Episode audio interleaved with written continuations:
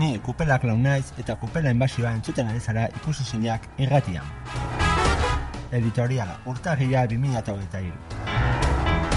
Barkatuko diazue, baina gaurko editorialean nire buruaz hitz egin beharrean aurkitzen ez.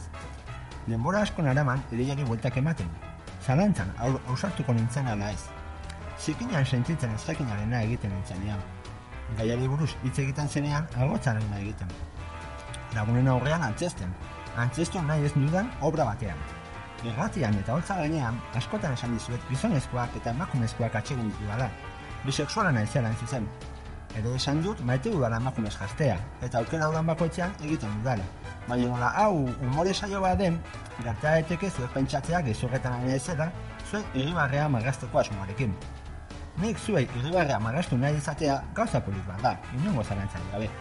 Baina iritsi da momentua behar dut asaltzea bihotzak ara eskatzen didalako, benetako ni, Ibon, Ibon Agudo, kupela klaunen mozorroak enduta, bisexuala naizela.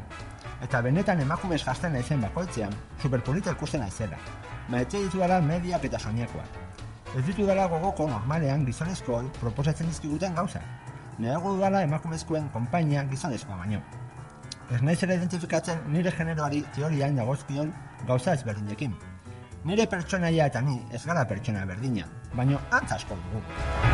Benetako bizitza emakume batekin dago eskonduta, eta argi dagoen eran honi ez dizkiot gezurrak esan nire benetako identitateari buruz.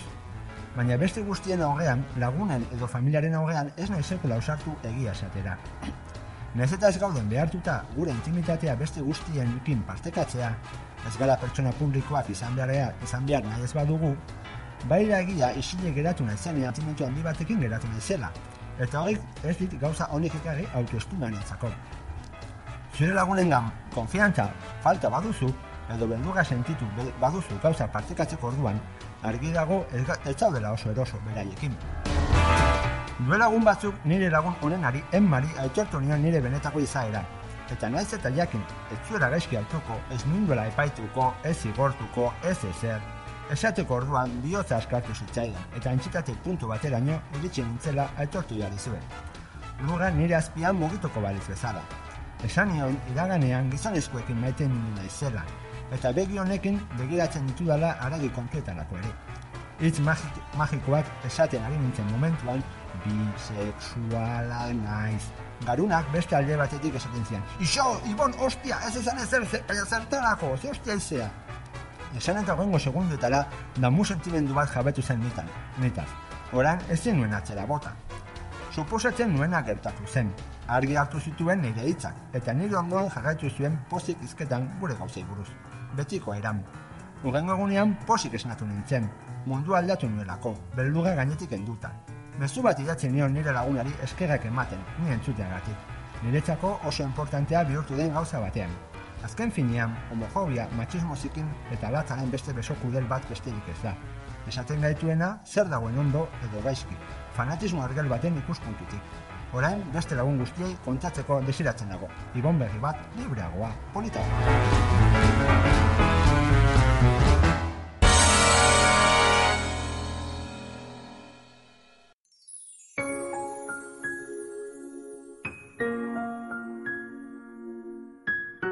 Poemas de amor, Carmelo Iribarren.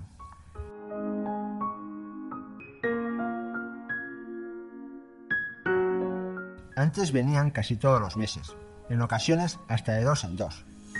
Recuerdo el ritmo alegre del teclado, como música de fondo, mientras iba descendiendo, verso a verso, hacia el final, donde siempre estabas tú, igual que en tantas noches de la vida, esperándome. Ahora llevan tiempo sin aparecer. La poesía es muy celosa, ya se sabe. Me pregunto si precisamente eso, tu presencia inexcusable, no ha- habrá tenido algo que ver.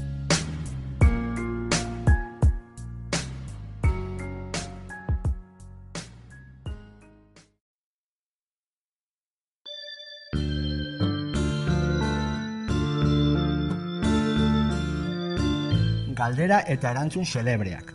Bizitzan zehar galdera eta erantzun celebre eta argenen jolasia murgildu naiz nire borondatearen aurka. Agian, agaroena 2000 garren urtean egin zidaten memoria galdu eta gero. Medikoa galdetu ninduen. Kupela, dime de que no te acuerdas.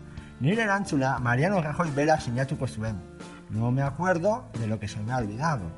Nire alde esan beharrean nago erantzuna, ba, egia zela. Beste galdera agaro bat egin duten epaiketa batean. Horeretako udaletxean sartu nintzeleko beste bi lagunekin eta kate eta zinegotzien bilera bat eten. Dirudienez delito, delitoa oso grabea zan. Fiskala galdetu ninduen. ¿Y ustedes cómo consiguieron entrar en el pleno municipal? ¿Les ayudaron desde dentro? Nire erantzuna epikoa izan zan. Entramos por la puerta. Hori esan eta gero atea eriketzearen keinua egin nuen, egin nuen eta gehitu nuen. Ez publiko. Baina agian nire erantzun agaroena lan ezkarrizketa batean eman nuen, urrengo galderari. Ke aficiones tiene usted? Eta auskalo, ze hostiagatik nik urrengo erantzun nuen. La poesia surrealista. Egia zen nire erantzuna. Garai hartan, Andre Breton, Rimbo eta Tristan Tzara eta lakoak irakusten dituen. Elkarrizketatzaileak urrengo erantzun zuen. La poesía surrealista es difícil comprensión, pero aquí de poco te va a servir para el puesto de reponedor. Asmatu duzu, ez duten hartu, supermerkatuan lan egiteko. Behin beste galdera argal bati erantzun zuzena eman niola dirudi. Lagun bat etorkina dut, eta nazionalitatea emateko prozesu, prozeduran eskatu zidan lekuko bezala joateko epaitegira. Sartu baino lehen, nola badakien, nolakoa nahi zen, instrukziak ematzizkian. No digas ninguna borrada, responde con monosílabos, que no se te vaya la olla, kupela. Epaitegian, galdetu ninduten, ea zertaz ezagutzen nuen, eta ea bazekizkien los usos y costumbres del país. Hemen esfortzu ikaragarria egin behar izan nuen, ez erantzuteko benetan pentsatzen nuena, horrengoa zela. Yo que coño voy a saber cuáles son los usos y costumbres del país, pedazo de imbécil. Baina joratu nintzen lagunak esan dakoaz eta erantzun apal bat eman nuen. Si, eta ez nuen gehiago esan. Beste epaiketa bat izan nuen oraingoan ni nintzen salaketa sartzen zuena, kasu honetan seguridad sozialaren aurka. Saiatu zirenean nire eskaitasun pentsioa erdira jaisten. Abokatuak esan zidan, no digas nada, vete sin duchar ni afeitar, mantén la boca abierta todo el rato, pon cara de estar pensando en cualquier otra cosa y si se te cae un poco la baba, mejor. Si te preguntan algo, responde con monosílabos. Burua agapatu nuen ebakuntzaren marka ikusi zaten, eta ateratzeko orduan laguntza eskatu nuen jakingo ez banu bezala nuen nengoen. Zorionez, epaileak ez ninduen ezer letu, eta epaiketa irabazi nuen. Bukatzen joateko guardia zibilarenkin joango gara. Anaiarekin nenduan kotxean, eta pasaian txon kotxe kontrol, pasaian txon kontrol batekin aurkitu ginen. Kotxea harakatu zuten eta gero gure txanda, txanda iritsi zen. Nik txege bararen aurpegia zuen kamiseta batekin nindoan, eta honen azpian nire sabelaren kurban nabaria zen. Pikoleto bati susmagia irutu zitzaion, eta hau ikututa gero galdetu zian. Ke ibas ahí? Eta nik nola beti egia esaten dudan, erantzunion, la panza. Dirudienez, erantzunarekin ados geratu zen eta joaten utzi gintuen. Momentuz, hauek izan dira nire bizitza agaro honetan esan ditudan galdera celebre eta argelenak. Baina gogo eta bost urte ditut eta hunda bi urte biziko itzeko intentzioa dut. Urte batzuk bago joango naiz aktualizatzen egiten dizkidaten galdera ergel eta erantzu tonto eta ilusenten jolas amaigabean.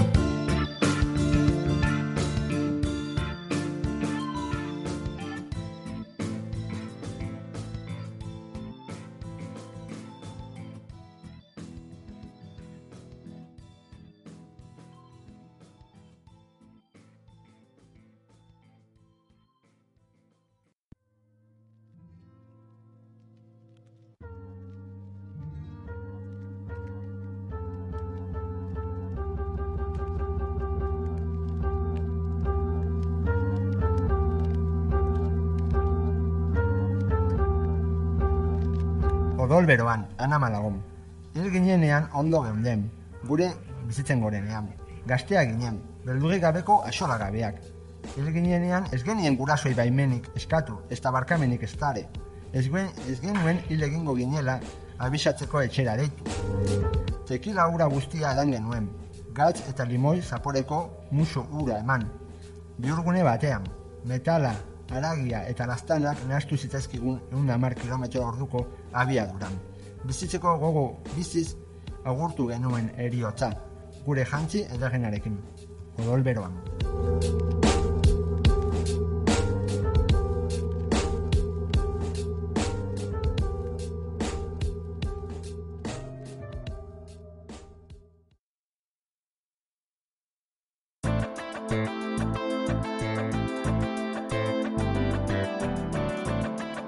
Euskara latinoa noizko. Agarro da irituko zaizue oraingoan esan, esango dizuedana, baina egia da. Aurreko batean, kontatu nizuen Ego Koreako telesaiak ikusten nituela espainol latinos, mexikagaz, hain zuzen. Telesail gehienak hango hizkuntzara itzuliak izan direlako. Momentu honetan gure hizkuntza erabat baztertua dago telesaien munduan. Ez gara existitzen. Eta bada garaia gu leku guztietara eristeko. Txikian nintzenean, ETB botaten zituen telesaia gaztatxuak euskara itzuliaz. Adibidez, Dallas ikusten genuen etxean. J.R. gaiztoa gure hizkuntzan hitz egiten zuen. Edo gazteak telesai biugi eta punkia ere itzuli izan zen. Ez dakiz zergatik, praktika hori atzean geratzea erabaki zuten. Beraiek jakingo dute arazoia. Baina nik ikusten dituen, familian ikusten genituen gainera. Gustatuko litzaidake ikusten ditudan telesaiak gure hizkuntzara euskarara itzuliak izatea. Baina hartu behar dizuet oso agarro egingo zaidala transizio hori. Horregatik, eskakiz- eskakizun publiko bat egin behar gaian aurkitzen naiz. Telesaien arduradunak, entzun niri, mesedez. Ezin dituzuen mexikara euskaldun batzuk kontratatu egokoreako telesai eta filmak gure hizkuntzara itzultzeko. Benetan diotsuet, gure hizkuntzan entzun nahi ditut egokoreagak hizketan. Gainera, nire ilobak irazita maialen euskal mexikagak dira, eta ditutan nago euskara latino auskerarekin entzutea. Horrengo, haugen pertsonaiak egiteko utziko dizkizuet nire ilobak. Gainera, esan behar dizuet, naiz eta hasiera batean algaru egin, egin arren, oso askaro dituko zaretela inongo arazorik gabe. Puntu bateraino oso simpatikoa geratzen da. Segiti, segitu nahituko zarete eta kriston mesedea egingo dizu, didazue. Mesedes, jatorrak izan erekin. Euskara latinoa entzun nahi.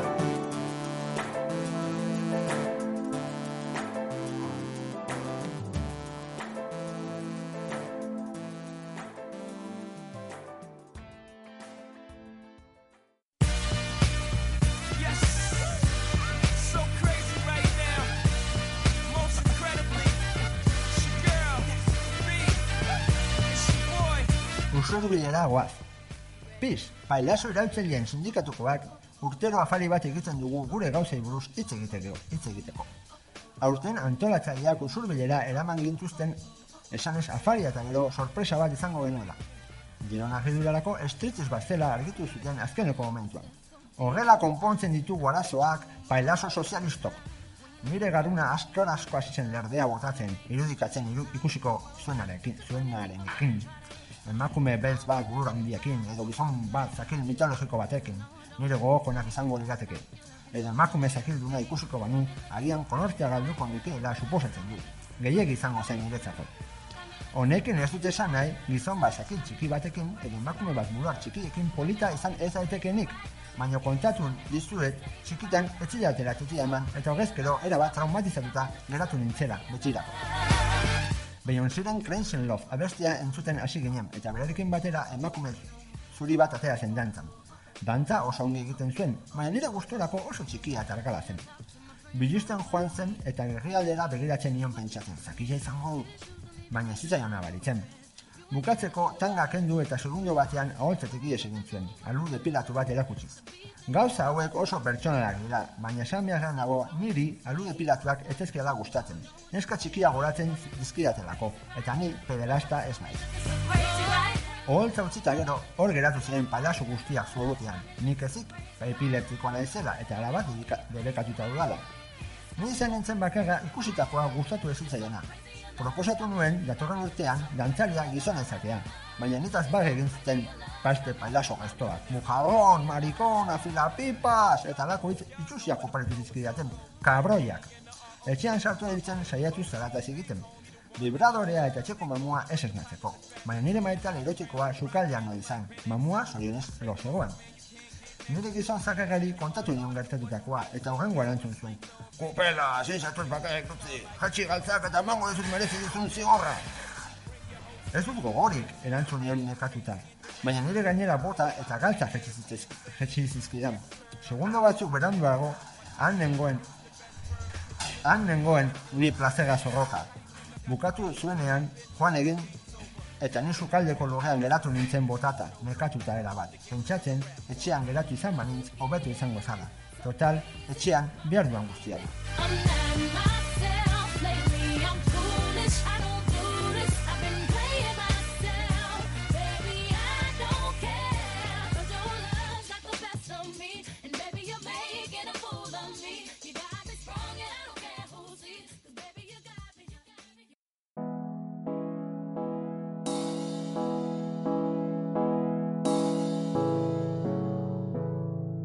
Nací para poeta o para muerto. Gloria Fuertes.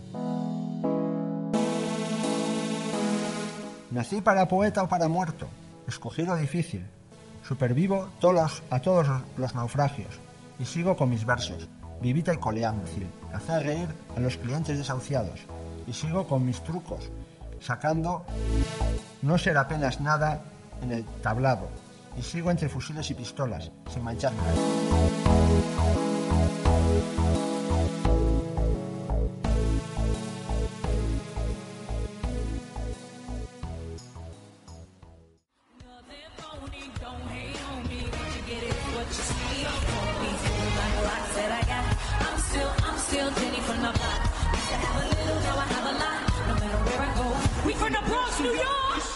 Jennifer Lopez eta Donald Trumpen arteko gogoka. 2008 urteko otxaila, hilabete beranduago pandemian egongo ginela ez ginen inon konstiente. Urtero ospatzen den futbol Amerikaren, Amerikaren final handia jolastu behar zuten. Osa famatua izaten da atxeden, atxeden aldian ematen duten ikuskizuna. Urte horretan Jennifer Lopez abeslari ari eskaini zioten emanaldia prestatzea.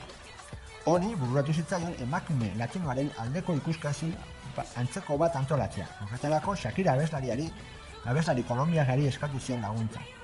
Garai gogorra zien etorkinentzako. Momentu horretan haugak gurasoen gandik banatzen zituzten eta kaiolatan, kaioletan sartzen hasi deportatuak izan ba. Arte. Puerto Ricoko abeslariari bururatu zitzaion kanta famatuen, famatuena kantatzea, baina aur batzuk kaioletan sartuta egotea. Bereien artean bere alaba. Eta horrela salatu egiten ari ziren astakeia. Futbol liga baimen eman zien nahi zuten egiteko, eta arena pres zutenean, ligako zuzendariak telefono dei bat jaso zuen. Donald Trumpen deia zuzen. Agindua emanez, ez hausartzea kaiolak ateatzalean, atea, ateratzeko, ateatzearena, barkatu. Arduradunak Jennifer Lopezi abisua eman zion, eta jakinaren gainean egon zedin, baina nahi zuen egiteko baimena eman zioten. Honek dantzari guztiak bildu zituen eta hala esan zien. Donald Trumpek agindu du kaiolak ez ateratzea, eta futbol liga gure eskuetan uzten du ardura guztia. Orain ze egingo dugu, galdetu zien. Ekipo guztia erabaki zuen kritikarekin aurrera jarraitu behar zutela. Futbol partidaren atxenaldia, atxedenaldia iritsi zenean, bi emakumeak kantatu behar zituzten abestiak eskaini zituzten. Eta zorionez, ez ziren kirkildu eta kaiolak atera zituzten aurrez beteta. Haien artean Jennifer Lopezen alaba. Honek bandera bat ateratzen zuen non alde batean estetu batzuetako bandera zuen eta bestean Puerto Ricoko bandera. Donald Trumpi ez zitzaion bat ere gustatu ikusitakoa. Espainiako komunikabideek ez zuten ezer ulertu, eta esan zuten gauza bakarra, esan zen, bi emakume horiek zuten adinerako, ez zaudela batera gaizki. Lotxagarria. Eus, Euskal Herriko komunikabideek ere ez zuten ezer ulertu, eta zuten, esan zuten gauza bakarra izan zen, ea emakumeen eredu on bat ematen zuten adin horretako bi emakume holtza gainean dantzan. Ez zuten ez da hitz bakar bat esan salatzen ari ziren arrazakeriaz. Tristia erabat. Gure aldetik eskerak eman behar dizkiogu Puerto Ricoko abeslariari ausarte izateagatik pertsona ikusi zinen alde.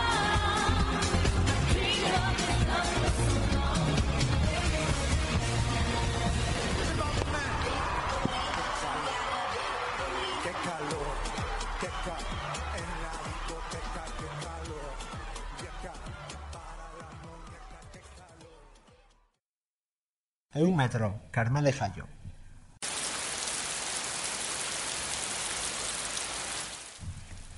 Eun metro izan ziren, eun metro bakarrik. Euriari zuen, zaparra da, eta dinga baten aterpean sartu nintzen. Zapata berriek itx erritz egiten zidaten, eta hau kasualitatea, aterki batekin agertu zinen. Zatoz. Ezetz esan nizun lotxati. Segi lasai. Hemen bertan bizi naiz. Zapatek labain egiten didate, besterik ez. Pixka bat itxarongo dut. Zatoz. Zure bers- besoari eutxi nion ez labaintzeko. Eta bat batean, aterkiaren gerizpean, lagetik, txortan, bi- dabiltzan bizaldi ginen.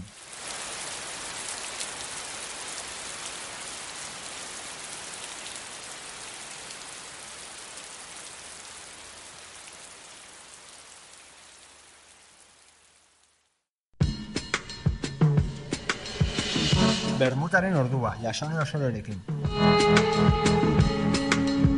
Ez dut ama izan nahi, Peru. Gezurra esan izun. Badakit, baina iritsi saldatu dut. normala da iritsi saldatzea, ezta? Esan nahi dut, evoluzioaren logika, logika normala dela iritsi, iritsi saldatzea, etengabe. Oikoa, oikoa da orain. A, esatea eta gero B. Evoluzio naturalaren baguan logikak agintzen du txikitan agopa gauza ez jantzi zikuten pampina bezala, eta gero ba, go, agosa gogotatzen duzu. Ba, ama izatea, ba, berdin. Hoxe gertatu zait, evoluzionari, evoluzionatu egin dut, eta ez dut ama izan nahi. Baina, Peru, Peru noaztoaz. Peru noaztoaz.